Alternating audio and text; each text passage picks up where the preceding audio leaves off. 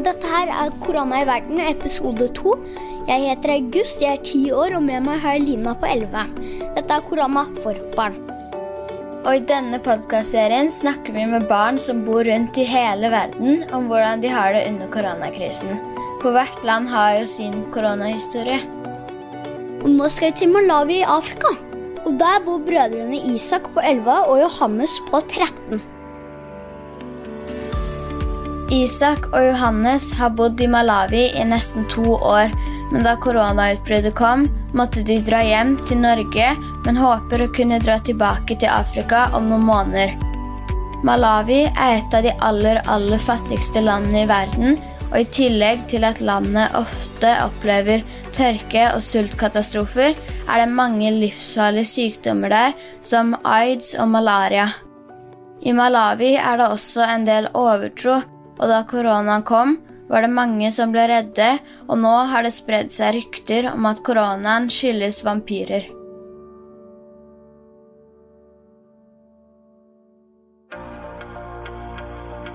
Vi bor i Malawi, i Lilongwe, hovedstaden. Og vi eh, bor i et område som heter Area 10. Eh, det er et rikt område hvor mange diplomater og folk fra FN bor. Folk som bor der, der har veldig fine hager med svømmebasseng, vakter og høye murer. Og jeg heter Isak. Jeg er snart 11 år. Og jeg heter Johannes, og jeg er 13. Vi bor i Malawi fordi mammaen vår jobber på ambassaden eh, med utdanning, og pappaen vår eh, gjør litt frivillig arbeid i de fattige områdene og jobber på barnehjem. Hvis vi kommer bare fem minutter unna oss, så er det et slumområde som heter Kauma, hvor de ikke har noe som helst. Ikke innlagt vann, ikke elektrisitet, ikke en plante å se. Det er knusktørt. Og eh, jeg var hjemme hos eh, gartneren som jobber hos oss en gang. Han har et bare falleferdig, bitte lite hus som, han, som ikke har elektrisitet eller noe som helst. De fleste folka i Malawi lever ganske hånd til munn. At de har en jobb den ene dagen, og neste dagen har de ikke noe å gjøre. Kanskje prøver å selge ting på gata og litt forskjellig. Barna i Malawi liker å spille fotball og bare henge litt rundt og snakke. Og så noen av de lager fotballer av plastikkposer, hvor de binder litt tråd rundt en fotball. Og så hvis de finner et gammelt bildekk eller sykkeldekk, så tar de en pinne og så begynner de å rulle det rundt som en leke. Skolen er veldig eh, fin, og den heter Bishop McKenzie internasjonal skole. 100 elever på skoler. Vi må ha på skoleuniform. Det er en kantine og veldig mye lekser. Um, når koronaviruset kom, så var det ikke så veldig mye som endra seg. Fordi at um, de fleste i Malawi trodde at det kom til å gå helt fint fordi at staten ikke har gitt dem noe informasjon om eh, hva som skal skje, eller hvor ille det er, eller sånn. Så de trodde at de, bare kunne leve vanlig videre. Så folk reagerte egentlig ikke så veldig på det som skjedde. Men selv om vi, vi tenkte jo at de burde reagere og de burde passe seg og være hjemme og sånn, men vi ble ikke noe spesielt redde. Men vi ble kanskje litt bekymra for Malawi som land. Men i Malawi så er det også mange andre sykdommer som er enda farligere enn koronaviruset, sånn som kolera, aids, rabies og malaria, f.eks. Um, ofte når uh, noe dumt eller skummelt skjer i Malawi, så pleier malawiere å ty til overtro for at de ikke skal føle at det er deres egen skyld, og at de kan skylde på noe. Og det som de har gjort nå for å uh, skylde på korona, er at de har sagt at hvite mennesker blir til vampyrer om natten og suger blod eller tar drap, da. Tusen takk, Isak og Johannes. Dere var veldig flinke, det må jeg si. Og dere som syns at det var veldig skummelt det med vampyrer og alt sånn, så er det bare å snakke med en voksen hvis dere føler for det. Og husk at det bare er overtro. Ja, mange tror på forskjellige ting, men hvis du er i tvil, snakk med foreldrene dine. Nå skal vi videre i verden. Det er jo korona overalt, i alle land. Det er jo også veldig mange forskjellige måter man kan håndtere det på. Og nå skal vi til London, hvor Josefine på 10 og Elias på 14 bor. England har blitt veldig hardt ramma av koronaen.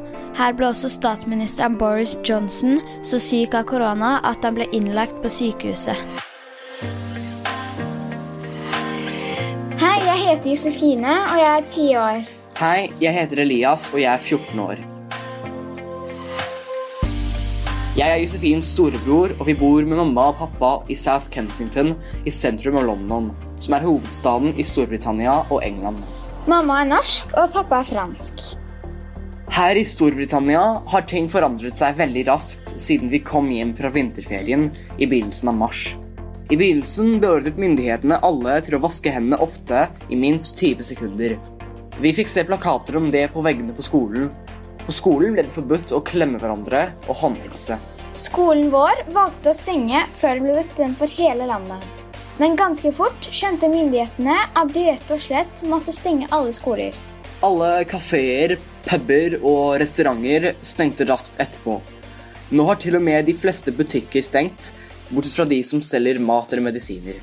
Til slutt bestemte regjeringen seg for å be folk om å holde seg hjemme. Man skal bare gå ut for å handle mat eller medisiner, eller få seg litt mosjon én gang om dagen. Man blir bedt om å bare bruke T-bane og buss hvis det er nødvendig for å komme på jobb.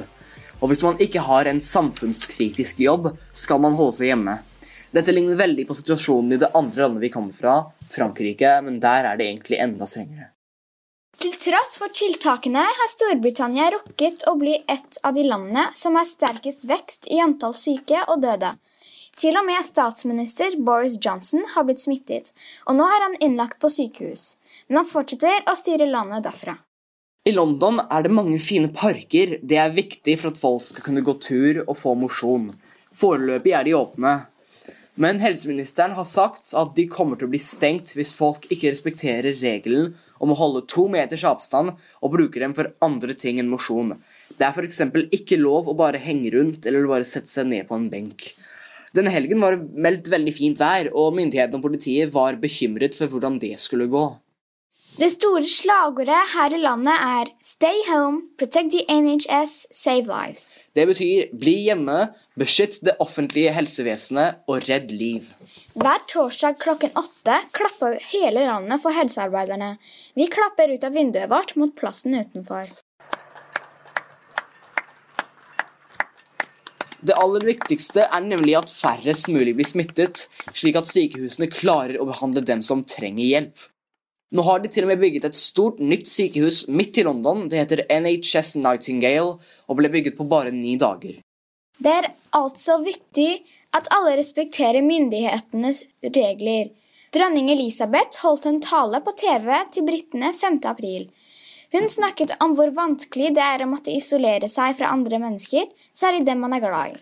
Det fikk henne til å huske tilbake på andre verdenskrig, da hun holdt, fra hjem, da hun holdt sin første radiotale til andre barn som hadde blitt evakuert fra hjemmene sine og sendt av gårde for å være i sikkerhet fra krigshandlingene. Det var i 1940, og hun var bare 14 år gammel da. Det er faktisk 80 år siden. Men hun sier at på samme måte som den gang, så vet vi at selv om det er vanskelig, så er det riktig å isolere seg. Self-isolating heter det på engelsk. We will be with our friends again. We will be with our families again. We will meet again. Siden vi ikke kan være ute så mye, prøver vi å trene hjemme. En mann som heter Joe Wicks, kaller seg for hele landets gymlærer. Han har en egen YouTube-kanal hvor han har gymtimer for store og små hver morgen klokken ti norsk tid.